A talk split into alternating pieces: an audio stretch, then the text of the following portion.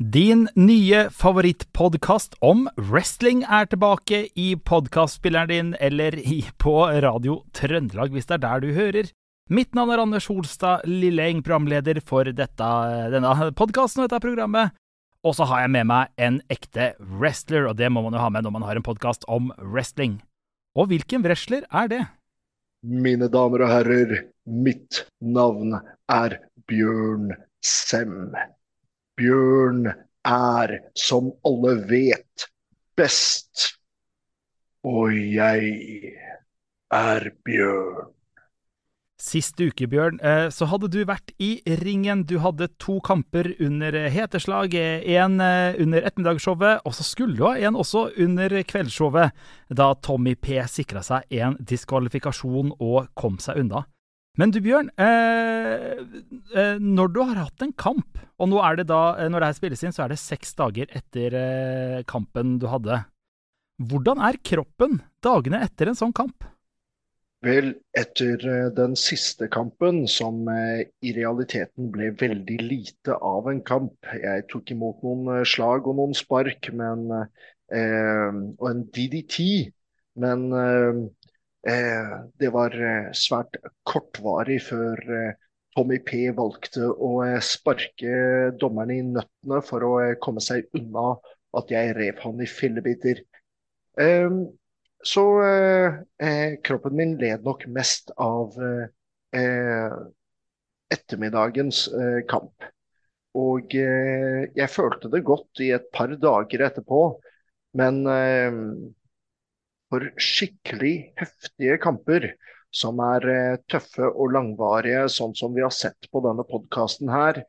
Nå om dagen, nå når jeg har nådd en alder av 47, så kjenner jeg det gjerne i tre dager etterpå. Um, alt kommer an på hvor tøff kampen er, eh, og eh, alt kommer også an på hvor god form man var i før man kom til kampen. Fordi eh, har man ikke nok kondisjon til kampen, så går alt sammen mye mer utover en. Og eh, hvis man allerede har noen områder, noen svake områder, som vi wrestlere veldig ofte har, fordi vi får veldig ofte en god del vondter som ikke har blitt helt bra innen man har sin neste kamp. Da, eh, da kjenner man det ekstra i de områdene. Spesielt om de områdene har vært i, mye i bruk. Sånn sett så er jo albuer, knær, nakke sånne ting som det fort går veldig mye utover. For ikke å snakke om korsrygg. Hvordan er det du, du restituerer etter en sånn kamp? Mye hvile. Eh, litt eh, lett trening, men veldig mye hvile. Det er også viktig å få nok søvn, og det er så hvile, søvn. Og det er viktig å, eh, å eh, få i seg en del mat, fordi eh, ikke det at man skal overspise, sånn som jeg pleier å gjøre, men for kroppen så er det viktig å fornye seg og få næring inn som den kan bruke til å lege seg. Det er i hvert fall min erfaring. Jeg skal ikke si at eh, alle ernæringseksperter nødvendigvis vil være enig i eh, hva jeg sier, men jeg erfarer at det hjelper veldig å få i seg næring, sånn at eh, kroppen kommer seg til hektene igjen. Du, i en kamp eh, Vi har jo nevnt Ultimate Warrior en gang i denne podkasten her. Ultimate Warrior var jo kjent for å eh, være liksom Han var helt utblåst etter veldig kort tid i kampen. Han hadde jo nesten ikke kondis.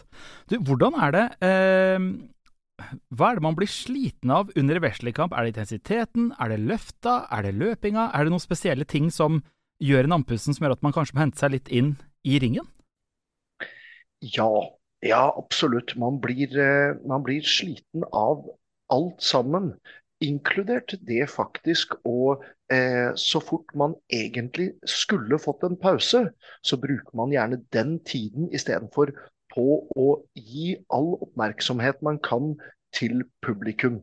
Og eh, da får man en forandring Forandringen er eh, bra, det gjør at man ikke blir sliten på samme måten, men det er likevel til enhver tid eh, høy intensitet.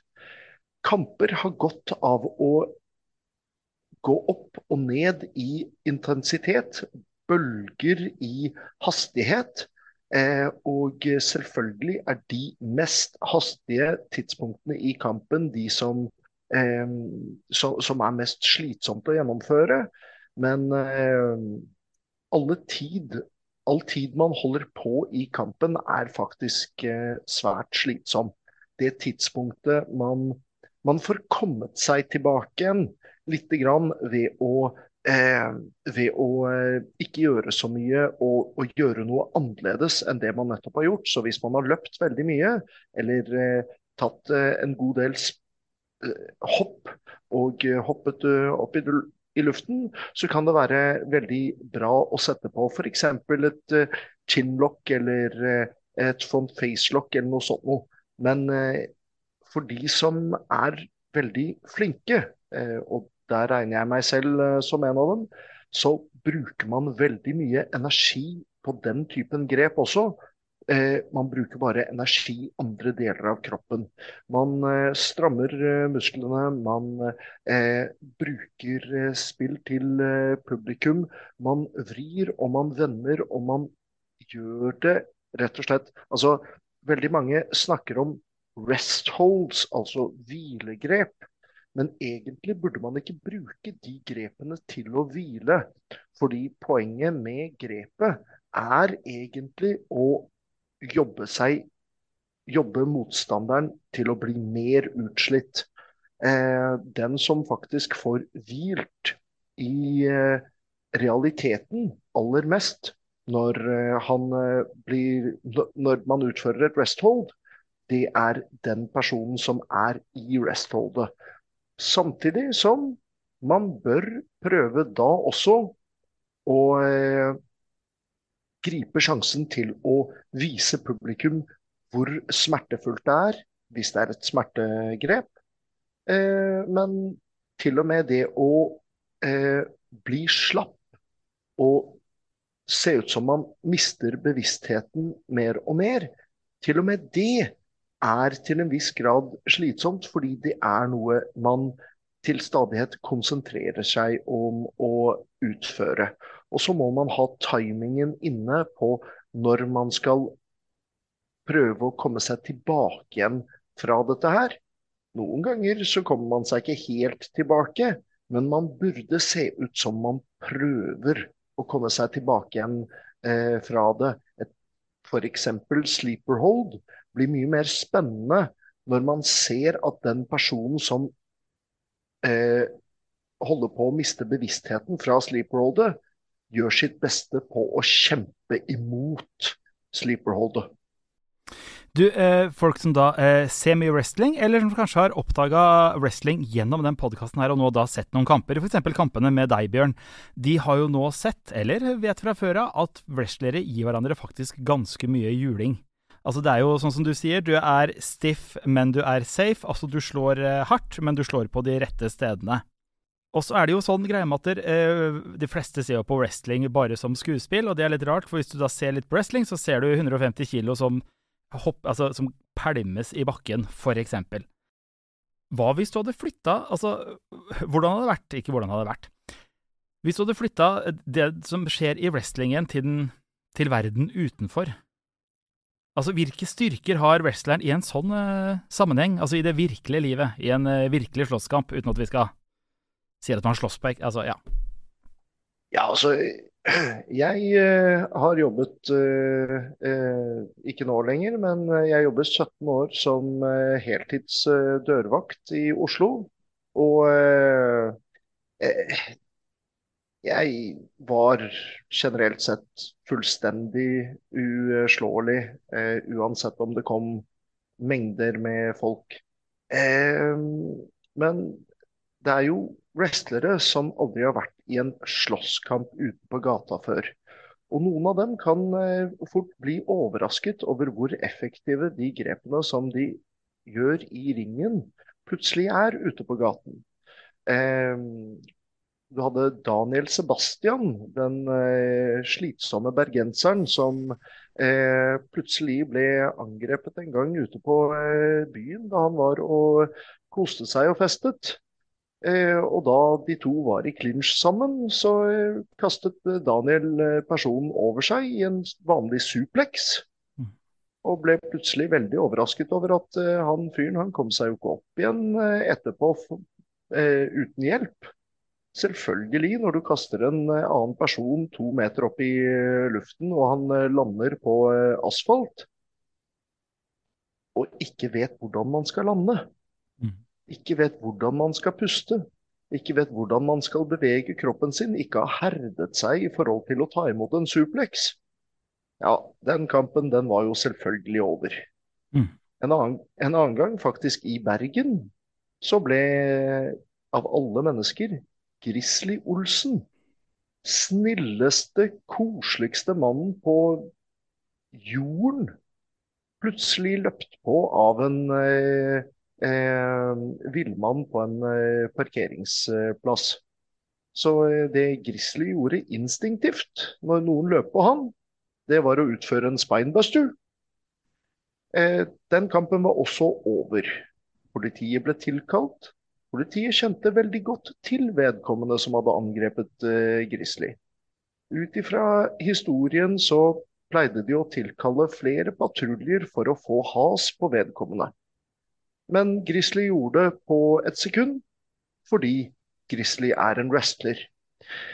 Eh, så jeg skal ikke si at uh, enhver wrestler kunne vunnet mot enhver MMA-utøver. Absolutt ikke. Det er ikke sånn det er. Men eh, det å vite hva man gjør i wrestling, er såpass tilnærmet kamp. Og de teknikkene vi utfører, er ikke folk, til og med folk som er vant til å slåss, er ikke vant til de teknikkene. Så det kan være ekstremt eh, effektivt. Jeg derimot, som har jobbet i, som jeg har sagt, utelivsbransjen som dørvakt over lang tid, eh, jeg er litt mer skånsom i hva jeg utfører på folk som skulle ha en forferdelig dum idé og plutselig skulle angripe meg eller noen jeg kjenner. Jeg eh, legger dem ned på bakken, hva vi kaller en takedown, og så putter jeg en lås på dem. Så ber jeg noen om å ringe politiet, så eh, kan de heller bli håndtert av politiet. Men eh, det er, eh, det er eh, det er ikke en god idé generelt sett å angripe en eh, wrestler. For tross om wrestleren vet det selv eller ikke, så har vi lært såpass mange ting. Og kroppen vår er, kroppene våre er såpass herdet, så vi har et enormt utgangspunkt i en slåsskamp. Mm. Se for deg en da som eh, liker å slåss i helgene, liker å tøffe seg, tror han er god til å slåss. Eh, går på med nevene eller kanskje spark. Hva er det eh, du eksempel, bortsett fra at du da er, er det to meter høy og sterk og 100 kilo, og, eller jeg vet ikke hvor mye du veier akkurat nå, Bjørn. Men hva er det du, hvilken kunnskap er det du over eksempel Grizzly og sånn har, som ikke de har? Hva er det, som er liksom, hva er det, hva er det dere sitter på av kunnskap som gjør at dere vinner den ganske lett, uten at det blir noe større fight av det? Vi kjenner jo til hvordan man skal både forsvare kroppene, kroppene våre, bevege oss med angrepet istedenfor å bevege oss mot angrepet. Sånn Hva vil det si? At, det vil si, altså Hvis du tenker i fysikk, så er eh, størst eh, eh, skade lagd hvis to gjenstander går eh, hund, la oss si 100 km i timen, men full fart mot hverandre, eh, da får du det største smellet og eh, den største mengden med skade. Om det er den ene som går igjennom den andre, eller om lik skade blir på begge to, så blir det enorm skade. Eh, om en av dem står stille, og den andre kommer eh, i tilsvarende fart som vi snakket om i sted, så blir skadeomfanget bare eh, blir mye mindre. Det Selvfølgelig, dette er også avhengig av vekt, men det blir et mye mindre skadeomfang hvis vi da antar at det er eh, samme vekt som eh, i sted, enn om man Beklager. Hvis to ting går i full fart mot hverandre, blir det mye større skade enn hvis den ene står stille og den andre treffer den eh, i full fart. Om da én ting går i full fart og treffer den andre som beveger seg i samme retning, da minimaliserer man skadeomfanget betraktelig. Det lærer vi hvordan vi skal gjøre med kroppene våre i wrestling. Vi gjør det av alle ting det, høres kanskje ulogisk ut for de fleste, men hvis man tenker også på det på kroppens biologi og fysikk, så eh, idet man får et hardt treff i overkroppen, og man puster ut samtidig, så blir det en bevegelse i overkroppen, brystet, eh, altså lungene, som gjør at det blir en dempning av det treffet. Eh, fordi kroppen holder på å trekke seg sammen. Har man fullt med pust i lungene, og man greier å dempe det, så er det det beste som kan skje, og da har man lett for å, å kunne trekke pusten inn igjen. Om man har pust, eh, lungene, full av, lungene av luft, men prøver å holde den inne, da mister man gjerne pusten av det, og det er mye vanskeligere å fortsette å puste. Det blir et enormt trykk. Det blir som at man setter et ytre trykk på og klemmer på eh, lungene som om de skulle vært ballonger. At man klemmer på en ballong. Om man ikke har noe pust, altså ikke har noe eh, luft i lungene, og så får et veldig hardt treff i overkroppen, da sier det seg selv for de fleste at det er veldig vanskelig å puste etterpå. Det var ingen dempning overhodet, og eh, det er veldig vanskelig å da trekke inn pusten igjen. Så eh, Derfor snakker jeg hele tiden om hvor viktig det er å lære seg å puste riktig for wrestlere. Og sånt, sånt kan ikke gå på eh, at man må huske på å gjøre det.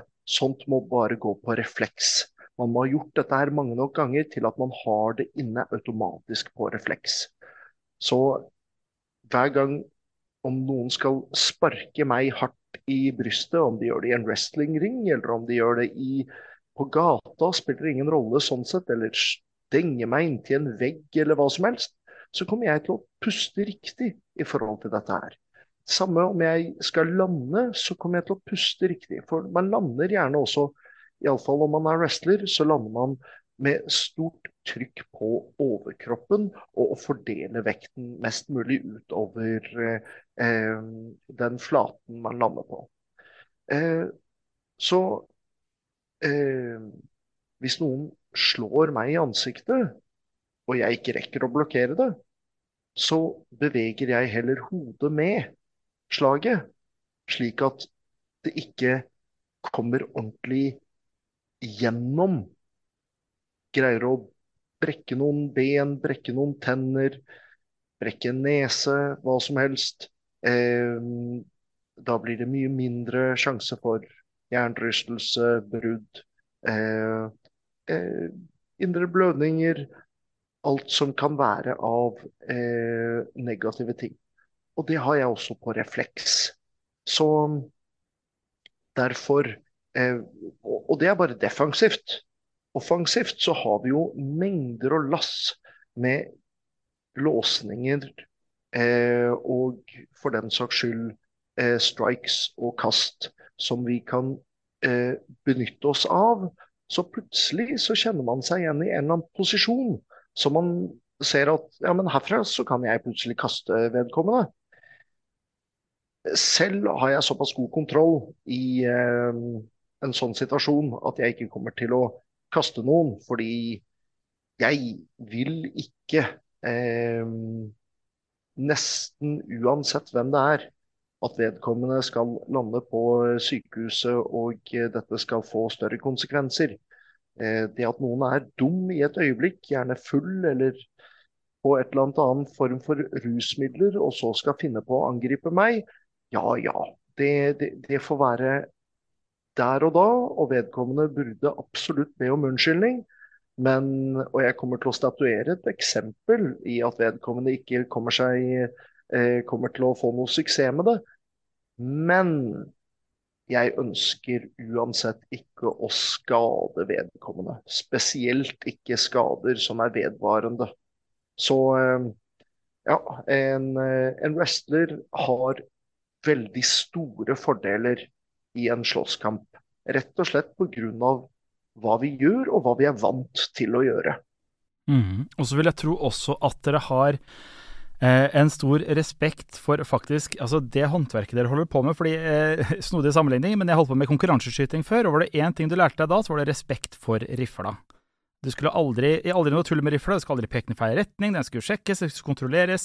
Aldri noe tull. Og jeg vil tro også samme er med om det er boksere, altså virkelig gode boksere med vett i behold, og kampsport og wrestlere, at dere vet hvilken skade dere faktisk kan gjøre, det dere holder på med.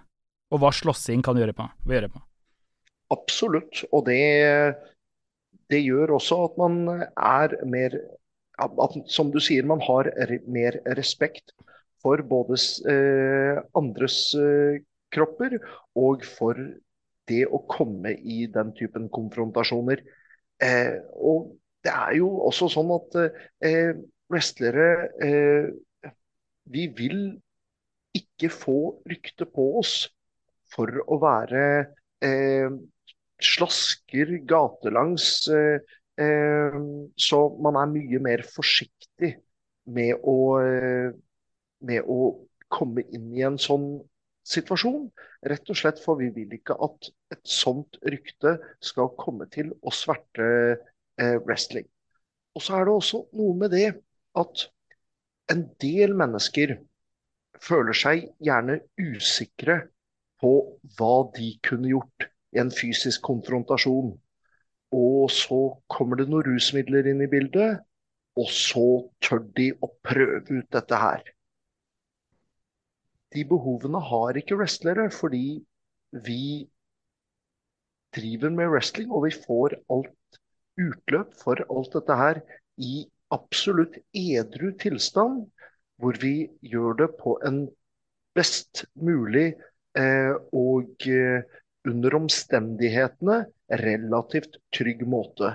Hvor vi har respekt for hverandre, og kanskje ikke foran publikum, men backstage etterpå som oftest tar hverandre i hendene og eh, ofte også gir hverandre en klem.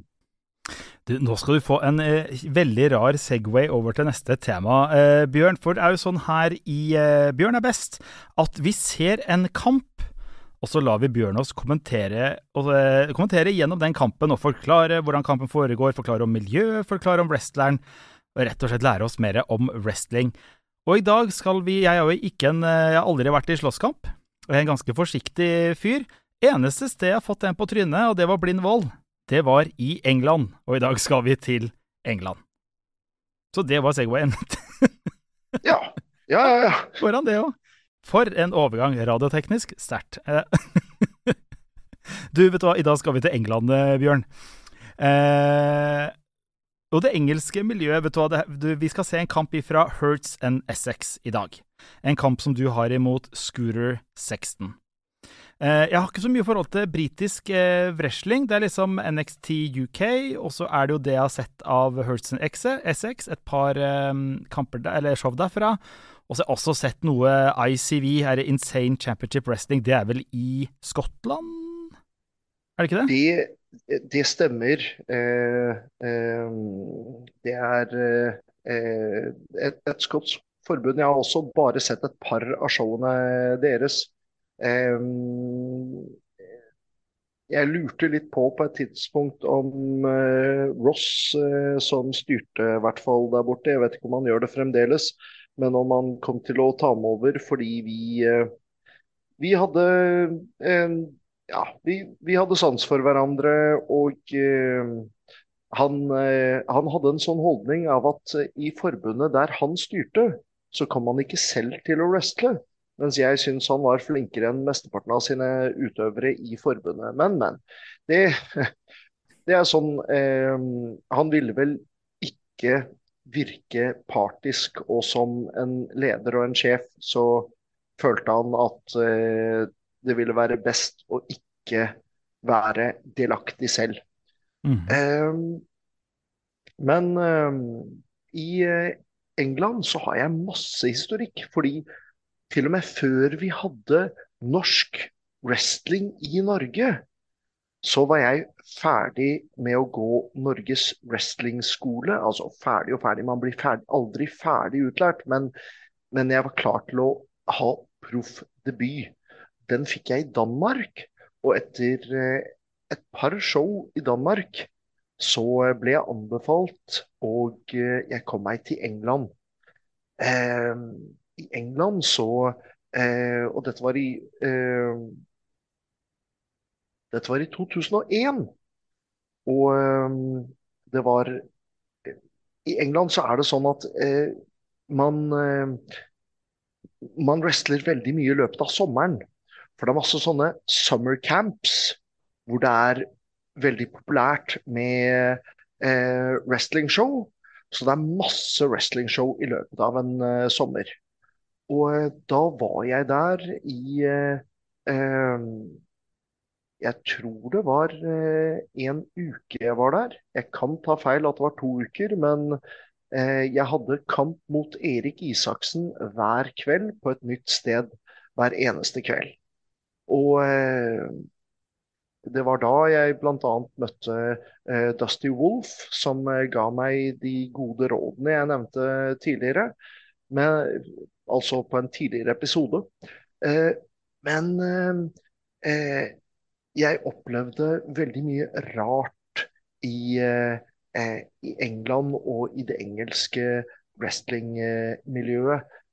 jeg så det at det var forskjellige klikker backstage. Og de og de var venner med, med de og de personene.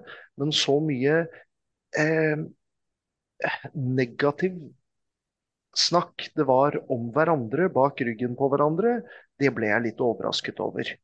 Eh, likevel, jeg hadde det kjempegøy, og jeg og Erik Isaksen vi hadde jo masse respekt for hverandre og gikk eh, matcher eh, mot hverandre hver kveld. Eh, så eh, vi, eh, vi, vi fikk på en måte en, en positiv respons fra eh, promotoren, og han hadde sans for eh, det vi gjorde. Eh, så neste sommer så hadde ikke Erik Isaksen muligheten til å reise til England, men det var fremdeles interesse for at eh, jeg skulle komme dit.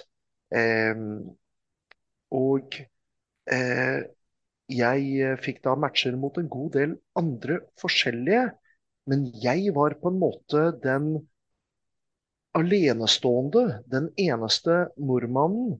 Og jeg var ikke så veldig opptatt av å spille noe politisk spill heller, og, og på en måte favorisere noen for å bli på en måte del av én gjeng. Så øh, jeg var generelt sett meg selv mot øh, de fleste, og det gjorde meg til outsideren.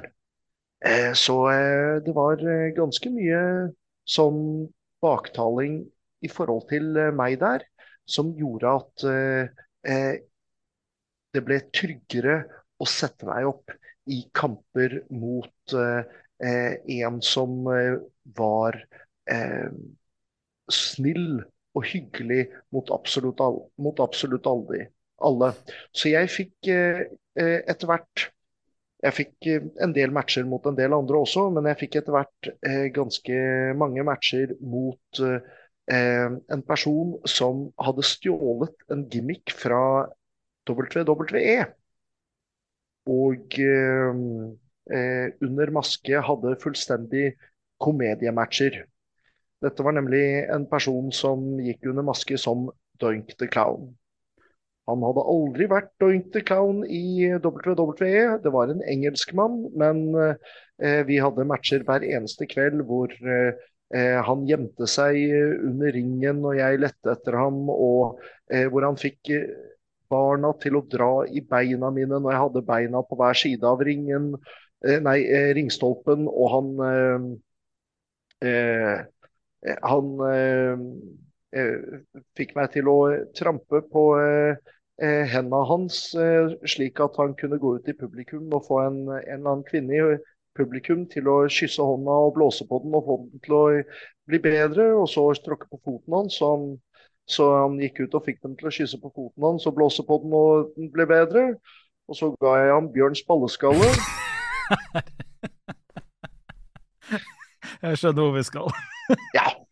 Um, og det er rett og slett at du, du kaster deg ned og gir dem skall, en skalle rett i ballene, rett og slett. Det er Bjørns balleskalle. Jepp. Så da måtte det blåses der. Ja. da måtte det blåses der. Det er helt riktig.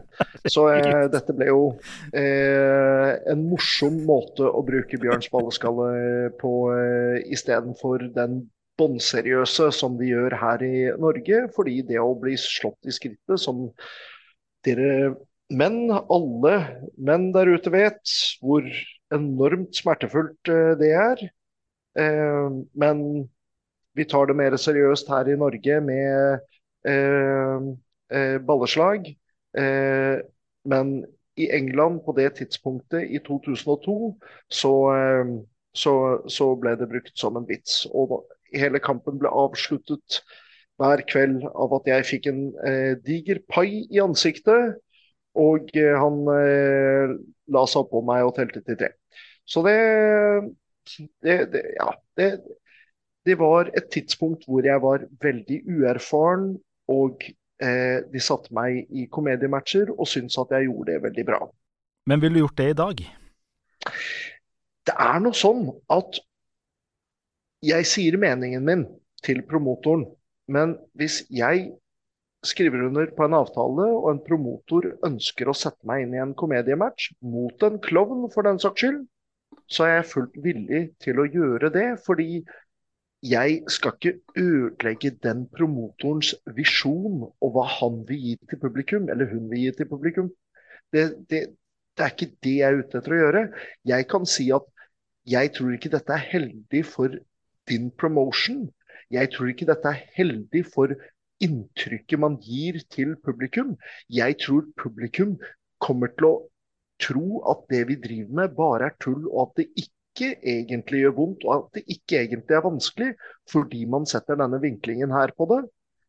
Men hvis promotoren ønsker at jeg skal gjøre en komediematch, da gjør jeg en komediematch. Og da kommer jeg til å gjøre den beste jobben jeg bare kan den kvelden for å få den komedienmatchen til å bli bra. Eh, fordi hvis vi, vi, kan ta også Jeg skal ikke gå gjennom hele eh, det showet som vi skal se kamp fra i dag, men eh, showet er jo da Det er jo Hertzen Essex, eh, og, eh, som er eh, forbundet, eller klubben. Og så heter showet jeg måtte være notatene her, det heter vel New York Showdown, heter det, 2023. Og det er en litt sånn Nei, Anders, det stemmer ikke helt. Det var det det? New Years Showdown. New, sa jeg New York? New Year Showdown, selvfølgelig. Bra. Takk, Bjørn. Men, men, der har du et par sånne i løpet av eh, showet som er litt sånn snodige gimmicker. Jeg tror jeg første kampen har en sånn ond klovn som er henta fra der Terrifier-filmene. oss som skal gå rundt der og tute noe så jævlig, unnskyld språket, på sånn Eller hvis jeg husker riktig. Og så har du også en annen kamp som jeg tror er en far og en sønn, som skal være amish. Hvor far nesten ikke vresler, han er vel nesten ikke i rimmet, han står bare ved ringen, han står nesten bare ved repet der. Ja, jeg kan gjerne gi litt innsikt i alt dette her, fordi eh, pro det, det, treffer ikke helt meg. Ja. nei, nei, nei, nei. Promotoren i HEW, Hearts and Essex Wrestling, eh, han eh, Beklager, hun. Eh, dette er en eh, eh, dette, Da jeg traff Sammy Nee så mm. var Sammy Nee en mann. Ja. Men Sammy Nee er en kvinne og Ja. har eh, forandret kjønn, så av gammel vane så kan jeg bomme og si han en gang iblant, Ja. men jeg mener henne. Sammy, eh, fabelaktig menneske. Ikke enig med Sammy i alt, men de, som jeg har snakket om tidligere på podkastet, det fins ikke det mennesket på planeten jeg er enig med i alt. Jeg liker Sammy kjempegodt. Råkult menneske. Og Sammy eh, bygde en gang i tiden opp eh, HEW til å være et, ikke et stort forbund i eh, England, men et forbund som var absolutt under vekst og hadde relativt store saler. Eh, så skjedde en ting eh, etter hvert at eh, Sammy la ned HEW for å satse mer på et annet forbund, et større forbund, der han hadde en god relasjon med de som eh, var i det forbundet, og var på en måte en litt sånn undersjef i forhold til dem. Etter de røk uklar og ble uvenner, så flyttet eh, Sammy tilbake igjen til eh, Essex og eh, gjenoppstartet eh, Hearts and Essex eh, wrestling. eh, og eh, det er i og for seg jeg er veldig glad, i, glad for, for jeg er glad i å wrestle. Jeg er glad for å reise over til eh, Sammy, jeg er glad for å wrestle i Hearts and Essex. Og eh, eh, Sammy elsker skrekkfilmer. Så han har fått en wrestler i eh, England til å ta på seg dette Terrifier-kostymet, fordi Sammy syns at det er kjempekult. Eh, wrestleren bak Terrifier-kostymet er en flink wrestler. Eh, men jeg vet at det har vært store problemer med å se ordentlig, for den masken sitter ganske løst. Mm. Så det har vært en ting som har blitt forandret mer og mer på for å få ordentlig syn. For det er veldig vanskelig å wrestle når man ikke ser når motstanderen kommer, hvor motstanderen kommer fra, osv. Repene, for ikke å snakke om. Eh, og den masken var ikke godt plassert under denne kampen her. Så eh, det vet jeg var et problem som gjorde at denne kampen ikke levde opp til potensialet. Det, det Mm. var rett og slett ikke noe bra kamp. Mm. Eh, Ikke, etter, ikke i mine øyne, i hvert fall. Det kan være at andre er uenig i det. Eh, eh, Bono, eh, som hadde match mot eh, Terrifier, han er en flink wrestler og har begynt å få mer og mer eh, følge i England. Han er en eh, krigsveteran, faktisk, i relativt ung alder, og eh, han eh, har benyttet det at han har litt sånn etterkrigsproblematikk etter en del turer i Afghanistan, til å si OK, jeg, jeg kan drukne meg i alkohol, for det holdt, han holdt på å gå under sånn sett. Eller jeg kan bruke den personen jeg har blitt nå, til å engasjere folk mest mulig. Og det har blitt en slags, ikke etterligning, men det minner litt om Steve Austin, men han er seg sjæl. Og det setter publikum skikkelig pris på. Han er en kickass babyface, som eh, betyr at han er en råtass av en eh, publikumsfavoritt, eh, i all hovedsak. Ja, for hvis jeg husker riktig, han driver også og drikker øl, sånn som Steve Austin, gjør han ikke det? Hvis jeg husker riktig, nå er det en stund siden jeg har sett det showet. Men han, det er vel litt samme greie. Jeg tenkte her er Steve Austin, ja. Stemmer det. Mm. Så etter hvert, eh, for de som har lyst til å se flere HEW-show, så kan man se at han løfter, eh, han løfter seg. De showet som den matchen vi snakker om nå, eh, kommer fra, det er ikke veldig gammelt. Eh, men eh, likevel så er det et par show etterpå, og han får bare mer og mer publikumsrespons. Eh, Men i hvert fall. Vi skulle videre på dette showet her, og The Amish Express. The Amish Express er to veldig hyggelige fyrer. Det er far og sønn, og faren har levd et liv eh, hvor han har eh, vært veldig engelskmann og spist veldig dårlig mat og røyket og generelt sett ikke tatt vare på seg selv. Eh, og sønnen, han har egentlig ikke Jeg ville ikke debutert ham som wrestler, og det ville jeg ikke gjort med faren heller. For de begynte på wrestlingskole samtidig, og de fikk etter hvert gå noen matcher før de egentlig var klare for det. Jeg mener at de fremdeles er på det standpunktet hvor de ikke egentlig er helt klare for det. De har ikke den robuste fysikken som skal til, de har ikke teknikkene som skal til. Og jeg tror de blir hvilende litt på laurbærene sine. Fordi de, de, når de debuterer for tidlig og ikke egentlig vet hva de gjør i ringen, så blir de veldig forvirret. Og da er det vanskelig å lære seg å bli og, ha tilliten til seg selv til å komme seg videre. Så Jeg syns det er veldig viktig å vente med å debutere til man faktisk er klar for det. Også er det veldig viktig å vente til, med å debutere til man faktisk er klar for det, rett og slett fordi det kan forårsake mye større skader når man ikke er klar for det. Og de har jo i og for seg begge to lidd litt under at de har fått noen småskader. Ikke seriøse skader, men det er egentlig mer eller mindre en tilfeldighet. Tag-teamet som de går imot, derimot, um, de er etter min mening et uh, bra tag-team. Jeg har spesielt sans for Handsome Jack.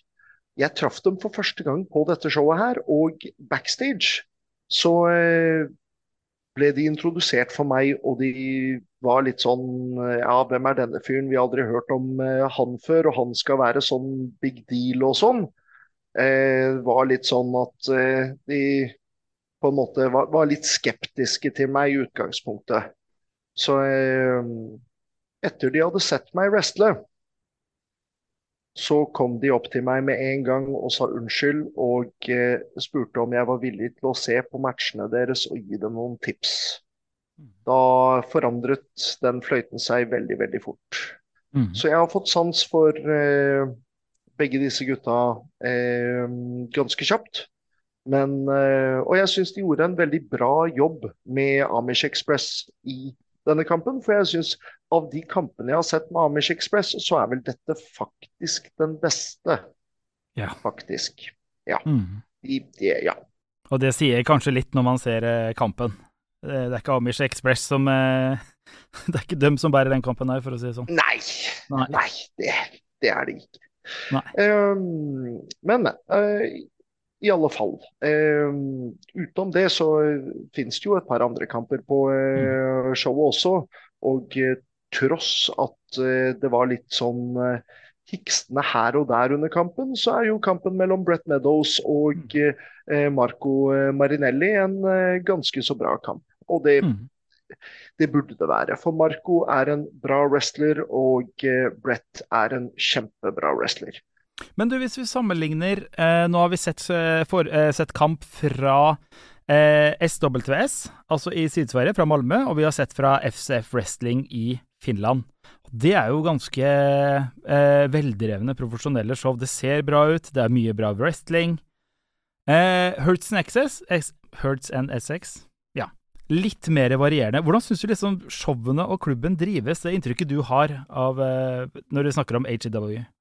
Ja, jeg, jeg syns at uh, det blir veldig varierende. Det er veldig varierende ut ifra uh, både hvem det er Sammy Nee er i stand til å engasjere på det tidspunktet, på det showet, hvem han får kjøpt inn. Men det er også veldig varierende ut ifra hva eh, Booker på det tidspunktet vil ha sans for. Og eh, tror vil bli morsomt og bra. Eh, det har vært en god del bra Hertz and Essex eh, wrestling show også. Eh, jeg mener selv at jeg hadde match of the night eh, den kvelden her. men dette var ikke et show hvor det egentlig var en veldig stor bragd å ha Match of the Night. Mm. Eh, derimot så ble eh, Sammy såpass ja, Jeg kan ta det fra begynnelsen av. Eh, jeg hadde aldri møtt eh, denne Scooter Sexton før. Mm. Eh, da jeg ble introdusert til ham, så spurte jeg om han visste hvem den tyske musikkartisten Scooter var. Og han hadde aldri hørt om det. Ingen anelse. Så, så beklager å si det, folk. Han har ikke Scooter som noen, inngangs, noen av Scooter sine låter som inngangsmelodi. Ein, zwei, Polizei. Jeg syns virkelig han burde hatt den. Men shit, sånn er det. Han har ikke det. Um, men uh, en veldig hyggelig, ikke veldig stor uh, uh, fyr som har lyst til å gjøre et navn for seg i britisk wrestling. så det å bli introdusert til ham, ja, kjempekoselig. Han viser full respekt og så videre. Og så får jeg vite av Sammy at jeg skal squashe ham. og så tenker jeg OK, greit, det er ikke noe problem. Og så er det åtte minutter satt av til matchen. Åtte minutter squash. Det er en lang squash, ja. Altfor lenge. Ja, ja, ja. Jeg kan, ikke, jeg kan ikke drive på og squashe ham i åtte minutter. Det blir etter hvert bare repetativt kjedelig. Og ved siden av det så ser jeg svakere ut hvis jeg mm. skal denge på ham i, i åtte minutter og det ikke var nok etter to eller tre, så, eh, så jeg snakker med Scooter og sier vet du hva, eh, dette er satt opp som en squash. Det var nyheter for ham, han visste ikke det. Men jeg kommer til å gi deg en del mer. Fordi jeg, jeg tror at vi kan få mye mer ut av dette her. Og da vi kom ut til ringen, hver av oss, og eh, jeg hadde lagd en liten strategi for hvordan vi skulle starte denne kampen uten at jeg skulle eh, squashe han. Fordi eh, på dette tidspunktet så Dette var etter covid og etter ryggskaden min. HEW hadde vært tilbake i noen show etter covid. De hadde rukket å ha en turnering men den som ga fra seg HEW, som faktisk er en verdensmestertittel, fordi eh, den har blitt forsvart på fors forskjellige kontinenter rundt over hele verden, bl.a. i Japan, i eh, Canada. Den har blitt forsvart litt her og der. Så eh, jeg måtte gi fra meg den tittelen. Jeg var den tidligere mesteren. Og det ble satt opp en turnering. Den turneringen vant Brett Meadows. Eh, så, og han sitter ved kommentatorbordet gjennom de første matchene. Så jeg henvender meg til ham, og det kommer dere til å se etter hvert. Og derfra forteller egentlig historien eh, seg selv.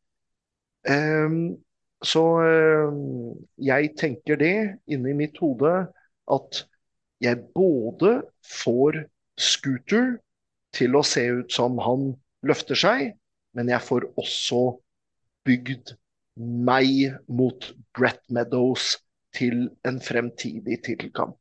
Det er min plan. Um, og uh, det tror jeg ikke Sammy hadde noen verdens ting imot. Men Sammy hadde så stor sans for kampen mellom meg og Scooter. Så han satte opp det som en rematch på neste show. Og da ble det en viss planforandring, som vi kommer til å komme tilbake igjen på en senere episode når vi tar den rematchen. Absolutt. Du, nå er du da eh, tilbake etter en ryggskade. Året er vel 2023? Eh, det er det. Det er 25. februar 2023. Har du noen historier fra den turen her, eller, eh, eller var det en ganske vanlig tur, bortsett fra at du får beskjed om at du skal skorse noe, og så tenker du nei, jeg vil gi Sexton noe mer? Nei, skal vi se, hva annet var det som Det skjer alltid så mye rart på disse eh, englandsturene. Og eh, sånn Jeg husker ikke spesifikke episoder på hvilke episoder som skjedde når og hvor. Men jeg kan ta en historie som skjedde før ryggskaden min, før pandemien. Eh, hvor eh, eh, jeg og Sammy og Brett, alle sammen Fordi vi snakket om det med utelivsbransjen, og vi snakket om det med eh, dørvakter osv. Så, videre. så dette blir en litt passende historie i forhold til akkurat denne podkasten her. Eh, jeg, eh, Sammy Nee og eh, eh Joe E. Legend stakk ut. Og Joe E. Legend er ganske godt kjent. Han har vært i WWE, han har vært i TNA, eh, det meste annet. Jeg vant HEW-tittelen fra han. Jeg tror ikke det var samme kvelden som dette her skjedde, men ja, ja, jeg kan ta feil. Joey Legend eh, ser jeg på som en personlig venn eh, eh, for øvrig. Veldig koselig kar. Han bor i Tyskland nå. Eh, men uansett. Vi var ute, og vi drakk, og vi koste oss og feiret eh, showet som vi nettopp hadde vært på. og det var kjempegøy, men det hadde vært en fotballgreie samme kveld i England. En annen sånn diger kamp av en eller annen valør. Så på utsiden av denne puben vi var inne i, så var det noen hooligans som skulle lage bråk. Og de to dørvaktene som eh, var der, de prøvde Han ene skulle holde de som var på den ene siden av fotballkampen, som heiet på det ene laget, holde dem på innsiden. Og han andre skulle stå og holde de andre på utsiden. Eh, og der var jo også ganske mye fyll eh, involvert, så dette var ikke en lett oppgave. Så jeg tenkte meg inni hodet mitt Altså, jeg hadde eh, sympati med dørvaktene og hvor umulig oppgaven deres var. Og hvor stor mulighet det var for at stedet, utestedet, som ikke var skyld i dette her overhodet, kunne bli stengt hvis det var en diger voldsepisode der. Så jeg gikk ut og stilte meg ved siden av han eh, vakten som sto ute. Hvor han prøvde å dytte litt i hånda mi og eh, si som No, no, eh, get away. Så, sånn I'm on your side. Don't worry about it. Altså med andre ord, jeg er på din side. Du behøver ikke bekymre deg for meg. Så eh, var det han som virket litt som alfaen av de der hooliganene. Skikkelig kanondritings fyr. Men han var ganske stor, og han var ganske godt trent. Han prøvde å løpe på denne vakten, som også var en stor fyr. I og for seg for så vidt til og med større enn meg, men ikke godt trent. Eh, ganske godslig størrelse rundt magen.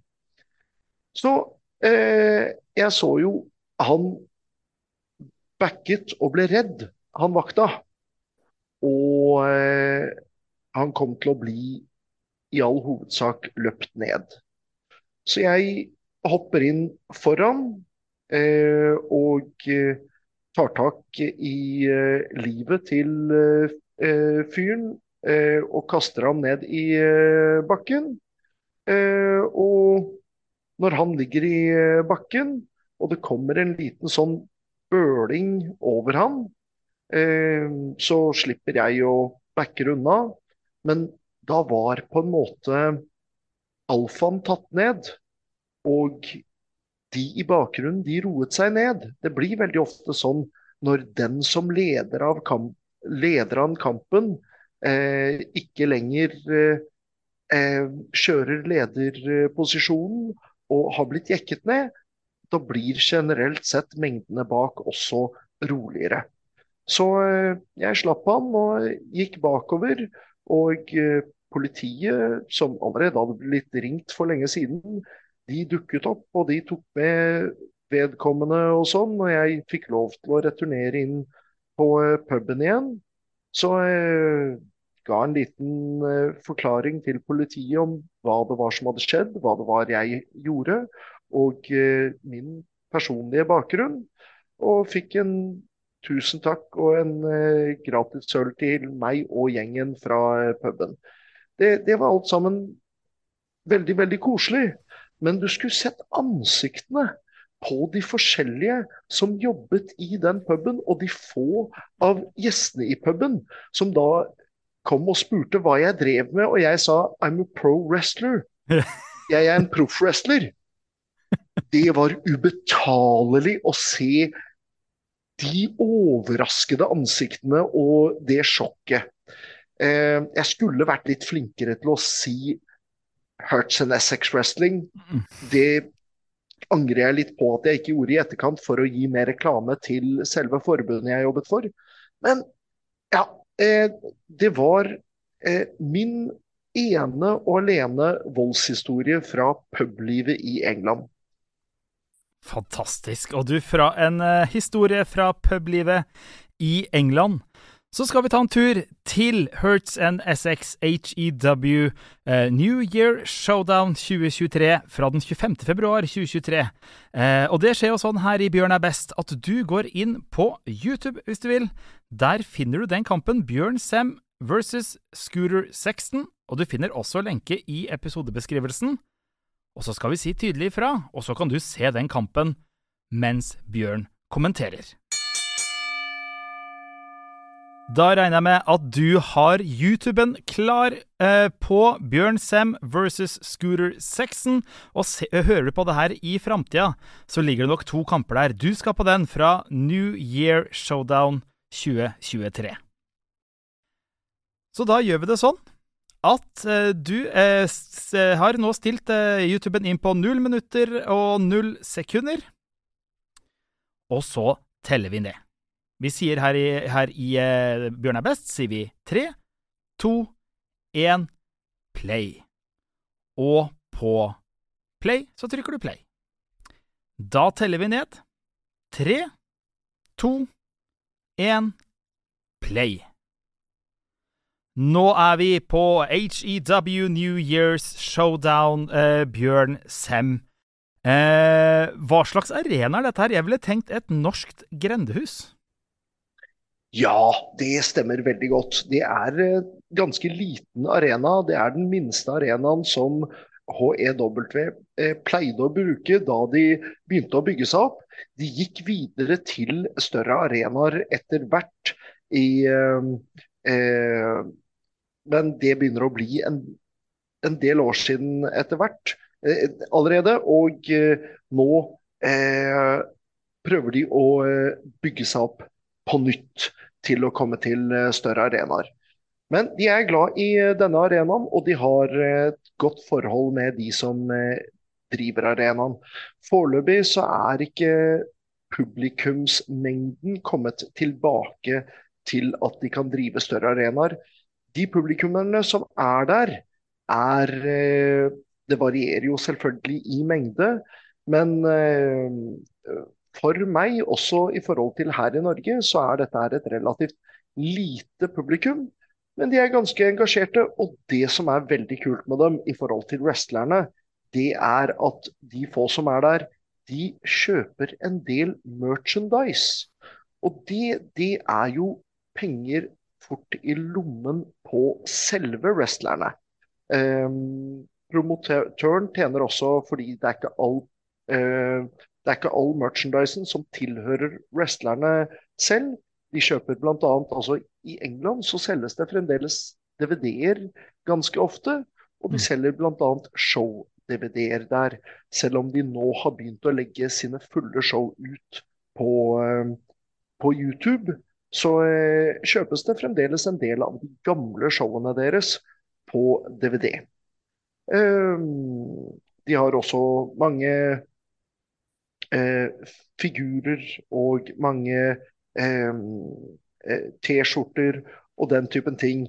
Wrestling-relaterte gjenstander som de selger i merch-stand. Så det er mm. nok sikkert en av grunnene til at eh, de ikke har gått Eh, eh, konkurs. Eh, og jeg vet at Sammy savner veldig den tiden hvor det var større. Og han er veldig mm. lei seg for at han la det ned på det tidspunktet. Det er noe han angrer på. Men sånn er det. Vi er mennesker. Vi gjør feil en gang iblant. Og eh, alt vi kan gjøre, er å prøve å gjøre ting bedre i fremtiden. Mm. Så eh, den største investeringen som eh, Sammy Nee gjør på dette showet her, det er å betale for at jeg skal komme over og eh, wrestle på showet. Ja, kanskje med unntak av leie av ringen. Ringen er kanskje hakket dyrere enn meg, det har jeg ikke fått vite. Men eh, det er ingen av wrestlerne det ko som koster mer å få bort dit enn eh, meg. Mm. Fordi jeg kommer hele veien fra Norge. Mm. Eh, de andre wrestlerne der er relativt lokale. Altså relativt lokale, med andre ord. De kommer ikke fra strekninger som hele veien fra Skottland for bare dette showet eller noe sånt noe. Eh, men eh, noen av dem kommer eh, sikkert eh, eh, noen få mil. Mm. Hvis dere ser nå på siden av ringen, så har dere da eh, Brett Meadows til venstre med belte, og da eh, promotoren, som heter da Sammy Nee, var det riktig? Ja. Til høyre med lyst hår. Og her har vi også den historiefortellinga vi snakka om i stad, Bjørn, hvor du da har mista tittelen din, og nå egentlig vil ha da tittelen tilbake. Jeg vil ha en uh, tittelmatch mot uh, Brett Meadows. Så jeg forteller Brett Meadows det at uh, han og meg nå Dette er første gangen tilbake til HEW siden jeg måtte gi fra meg tittelen min. Og han vant den. Så nå mester mot mester. Gamle mesteren mot nye mesteren, hvor jeg kan ta tilbake tittelen min. Jeg fullstendig overser Scooter Sexton, uh, og han da boller opp og Mhm. eh, dytter meg i ansiktet og sier 'her er jeg', det er jeg som er motstanderen din eh, nå. Mm. Og eh, det syns jeg fungerte veldig bra. Mhm. Dette var ene og alene min idé, så Mm. den tar jeg eh, kred for. Og eh, han dukket, som vi så, under eh, armene mine og kasta seg opp på ryggen min med et sleeper hold. Jeg Mm. kaster ham eh, fra eh, ryggen eh, over nakken min og med en snapmare fra stående posisjon ned i bakken. Han skjønner jo at han må komme seg unna det digre monsteret, så han eh, var under beina mine og prøver med noen dropkicks. Jeg må si det at Scooter Sexton er ganske flink, men dropkicks er ikke det han er best på. Jeg eh, fanger eh, slaget fra han og kaster den eh, over eh, eh, med en form for bil. Han har en fascinerende, eh, fascinerende eh, sånn gimmick, egentlig, for han kaller seg Scooter Sexton. Han kommer inn på en sånn eh, liten scooter, men på jakka, eller på vesten, så står det Judas Sexton. Som egentlig er litt kulere navn. Absolutt. Og eh, han kaller seg i andre eh, forbund for Judas Sexton, Mm. men eh, siden det allerede var en Judas i HEW, så ville ikke Sammy at han skulle kalle seg Judas i HEW da han debuterte der. Mm. Så derfor så ble han eh, eh, Scooter. Jeg tror det egentlig bare var det at Sammy plutselig så at det var et eh, eh, Så at det var en, eh, en, en scooter til stede. En sånn sparksykkel. Og så eh, var han jo litt sånn biker-gimmick. Så Mm. da ble det litt morsomt og da kalle ham Scooter. Mm. Um, han kaster seg gjennom repene på meg for noen strakser siden, og eh, den, eh, den ble litt eh, rar, men måten jeg måtte lande han på, Mm. var eh, for å passe på at han ikke landet på noen av publikum. Så jeg landet han mellom publikumsradene istedenfor. Og der er vel du som må Mm, Ja, for der er vel du som må beskytte han, eh, så ikke han bare deiser helt i bakken. Eller treffer publikum eller noe som helst. Ja, du må rett og slett holde han igjen. Eh, uten at det ser for holde igjen ut. Ja. Og eh, forearmen min, den eh, var jeg glad i. Og eh, vi så for kun kort tid siden eh, Avalanchen, som de fleste nå tror jeg har gjenkjent er et av mine eh, varemerker. River ham i ansiktet og gir ham forearms over eh, brystkassa.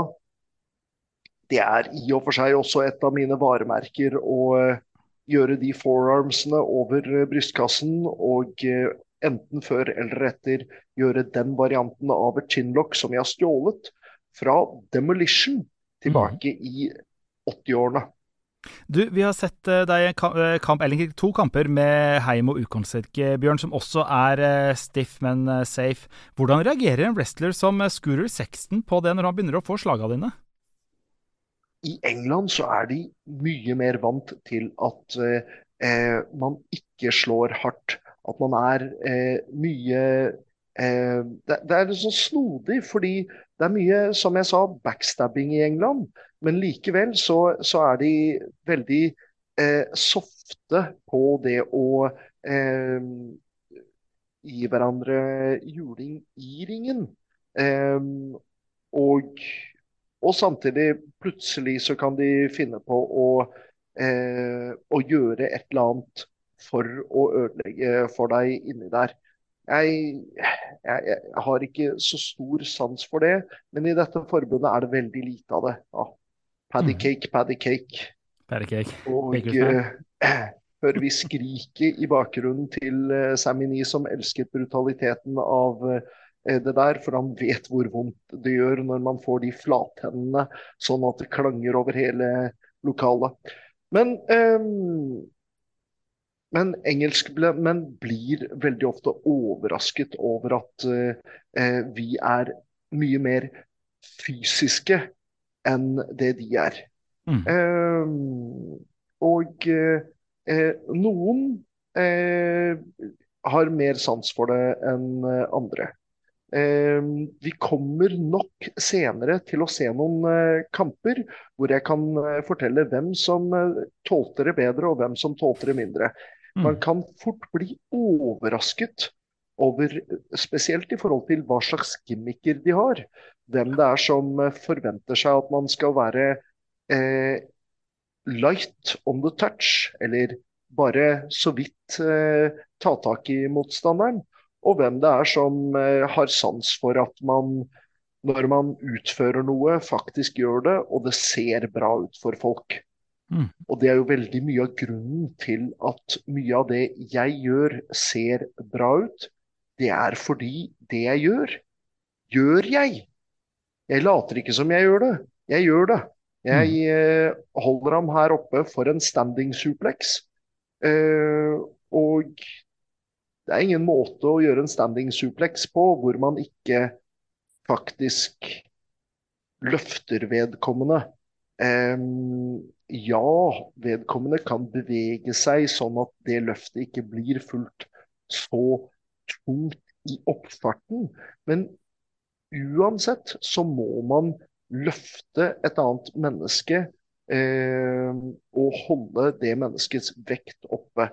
Eh, så samme tingen er det. Øye, fint spark fra scooter der, faktisk. Eh, og se, Bjørn Sem gjør en sleep midt i matchen og eh, griper tak i halsen til scooter. Og den er fin at du reverserer den med en gang. Den er veldig fin at du bare sparker den tilbake igjen. Ja, ikke sant? Ja, ja. Så jeg, Scooter Sexton mm. sparket meg i magen, og jeg sparka ham rett tilbake igjen i magen. Så mm. gir han en haug med knær i, uh, um, i, brystet, og her kommer uh, Nordic facelift, mm.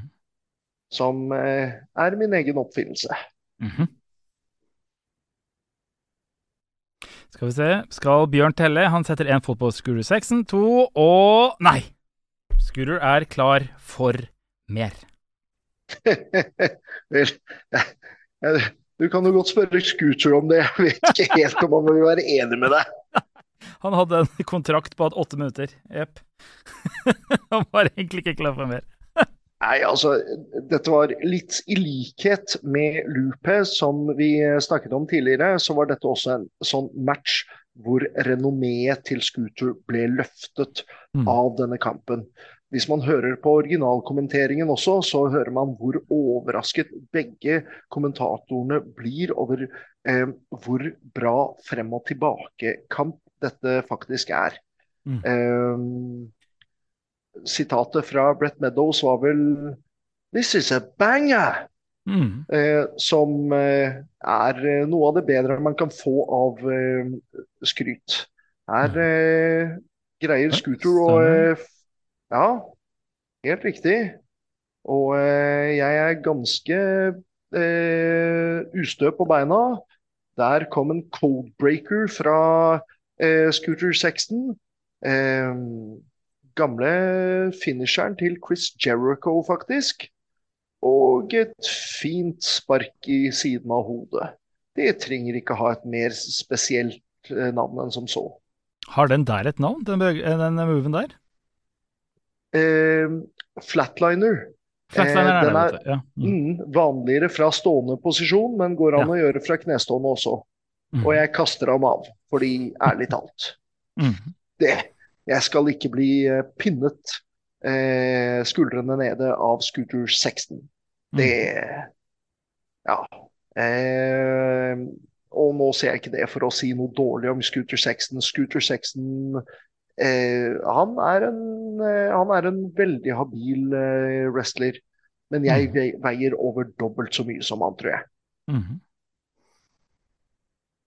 Jeg løfter Scooter 16 eh, opp i eh, eh, brannmannsløft som en kontring på at han prøvde å få inn en pedigree. Og utfører en wasteland på ham.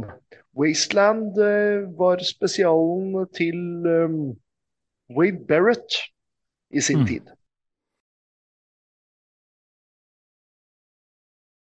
Og, og bare blitt kommentator i etterkant. Her husker jeg også, Bjørn, eh, fra første gang jeg så den, her hvor du faktisk kan gå opp i taket hvis du hopper for høyt. Det er ganske lavt under taket her. Ja, her må jeg passe på å hoppe bortover istedenfor oppover.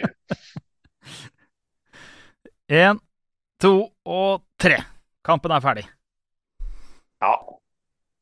ja jeg må si det at eh, det hadde vært veldig fordelaktig med mye mer publikum eh, her. For jeg syns den kampen som jeg og Scooter gjorde sammen, fortjente et stort publikum. Mm. Men muligens gjennom YouTube og denne podkasten her, så får det et mye større publikum. Jeg, eh, jeg er jo, eh, som dere kanskje får med dere, får med dere en heal, eller slem, i Mm. eh, denne kampen her. Men eh, jeg, eh, jeg må si jeg er veldig stolt av det jeg og Scooter 16 eh, gjorde her. Mm. Um, Absolutt. ja, kampen har en viss likhet med kampen vi så fra Finland med eh, Jake Lupe. Eh, men det er kanskje ikke så rart, det, fordi en stor mot en liten, hvor det går mye frem og tilbake, eh, ja, det er relativt eh, De er relativt de, de minner en del om hverandre sånn sett. Det blir noe helt annet når jeg møter motstandere som Mick Vainola eller eh, Heimo Ukonselke. Mm. Men jeg, jeg, jeg liker å ha forskjellige kamper, eh, men det er uunngåelig at noe minner om hverandre. Og på en måte så er det også litt positivt, fordi da er noen ting gjenkjennbare. Sånn som f.eks.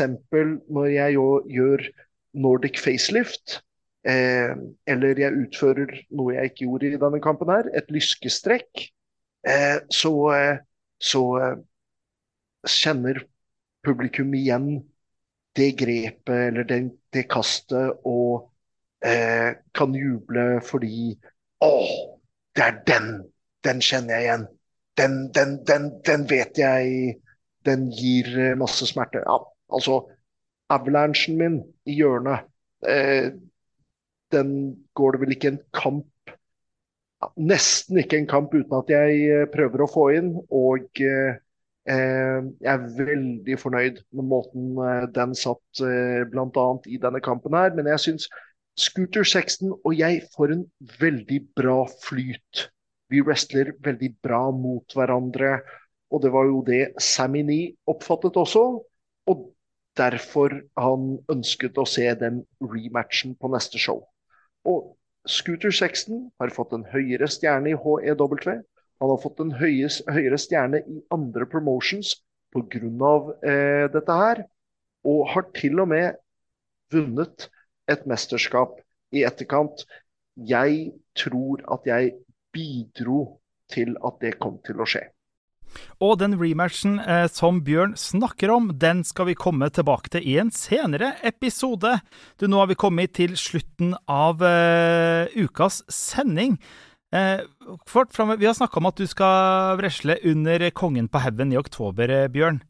Eh, har du noen kamper eh, på gang før det? Ja, det burde jeg jo absolutt uh, uh, ha. Fordi i oktober, da er det veldig mye som skjer. Eh, 7. oktober så kommer jeg til å wrestle i, i Bergen. Mm -hmm. og jeg aner ikke hvem motstanderen min kommer til å være i den kampen.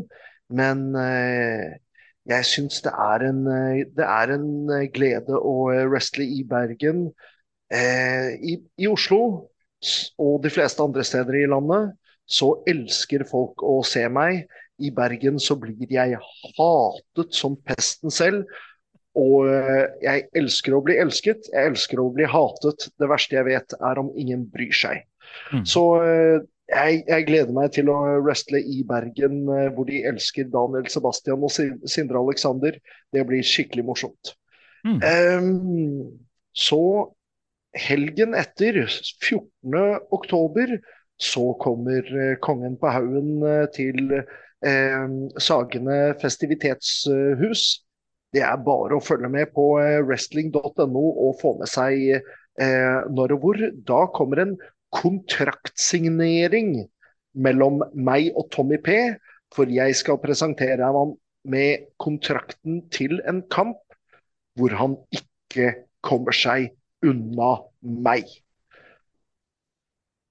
Men så skal jeg wrestle i England for akkurat Hertz and Essex mm. 21. oktober. Så tre helger på rad så kommer jeg til å wrestle i uh, oktober.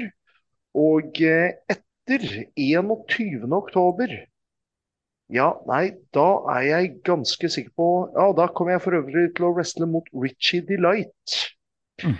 Um, da kommer nok jeg til å ha ganske mye smerte i kroppen. For tre, tre show, tre lørdager på rad ja, Da jeg var i 20-åra, så ville nok ikke det hatt en veldig stor innvirkning på meg. Men nå når jeg er eh, i andre halvdel av eh, 40-åra ja, det, øh, det, det, kommer til å være mye, my, my, mye stølhet, mye vondter og, øh,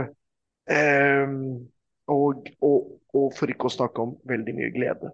For jeg kommer til å synes at det kanskje blir eh, eh, årets beste måned. For eh, jeg elsker at publikum kommer i ekstase og i fantastisk uh, og, og, elsker å se det vi gjør i ringen. Forhåpentligvis så greier man å levere uh, på hvert av showene tre fantastiske show og, tre, og fra meg tre fantastiske kamper. Men det er ikke lett. Så eh, jeg er bare menneske. Mm, til tross for hva jeg sier i Finland, hvor jeg sier at I am the god of Norwegian wrestling. Eh, så eh, jeg håper jeg greier å levere fantastiske matcher alltid. Men jeg vet også at det er for vanskelig å, og alltid greie å gjøre det til at man kan love at man alltid kommer til å gjøre det. Jeg kan love veldig ofte på ett show hvor jeg vet hvor mot, hvem motstanderen min kommer til å være.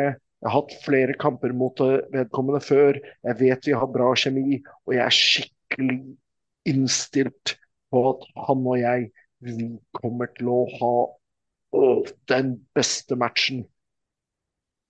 Da kan jeg love det. Men til vanlig eh, så må jeg bare si at sannsynligheten er høy, for jeg pleier å levere. Skulle du være i eh, Bergen, Oslo eller Essex på de tidene, de datoene som Bjørn nevnte, så kom deg på show. Absolutt. Så eh, jeg hadde egentlig en annen ting jeg hadde tenkt å si, Anders, mm. men vet du hva? Jeg er en glemsk, glemsk mann, så jeg kommer ikke på hva i verden det var for noe. Så eh, jeg tror rett og slett at vi begynner å nærme oss slutten på denne episoden, eller hva sier du, Anders? Det har vi gjort. Vil du få med deg hva Bjørn skulle si? Du, følg ham på TikTok, eller følg ham på Instagram eller på Facebook. Så dukker det opp der. Viktige ting. Da kan du følge Bjørn og få med deg kampene. Og nå ser det ut som at Bjørn kom på hva det var. Ja, det er helt riktig. For jeg tenkte jeg skulle spørre deg, Anders. Ja. Spørre deg om eh, Syns du vi skal avsløre hva kampen på neste podkast, på neste Bjørn er best, neste tirsdag, hva det er vi kommer til å eh, eh, se på da? Det syns jeg vi skal, for det er noe å glede, til, glede seg til. Hvilken eh, kamp blir det da, Bjørn? Hvem møter du da? Ja, mine damer og herrer, eh, dette var en eh, match fra Powerslam 12. Det er eh, godt over ti år siden nå, og jeg og eh, min nåværende tagteampartner her i Norge, Hannibal, vi skulle finne ut hvem av oss som faktisk var størst, tøffest, sterkest og best. Så eh, da har du de to største på det tidspunktet wrestlerne i Norges Wrestlingforbund, og tør jeg påstå selv to av de, om ikke de to beste, eh, som eh, møter hverandre. Og kampen, den ble helt vanvittig. Jeg er veldig stolt av den kampen der, og det er veldig ofte den jeg plukker frem om jeg skal vise andre mennesker én match. Og jeg skal vise dem en norsk match om hva det er jeg gjør for noe, hva wrestling er for noe. Så tar jeg veldig ofte frem akkurat den matchen der for å vise folk dette er norsk wrestling på sitt beste. Så gled dere til å se den. Jeg gleder meg i hvert fall. Jepp. Og vet du hva, man kan jo gå inn på Spotify og kommentere på episodene. Om du har innspill, om du har tanker, om du har noen meninger, om du har et eller annet du vil dele om wrestling, så gå inn der og kommenter. Og Håkon, du har vært inne og kommentert, og du eh, skrev 'hadde vært gøy med kommentering av gamle NVF-kamper'. Så neste uke, Håkon, da får du en NVF-kamp med Bjørn Sem og Hannibal. Og mitt navn er Anders Hose Lilling. Vi prekes eh, neste uke. Og husk, hva husker man om Bjørn Sem, eh, Bjørn? Bjørn er best. Og Anders, jeg er Bjørn. Og vi prekas.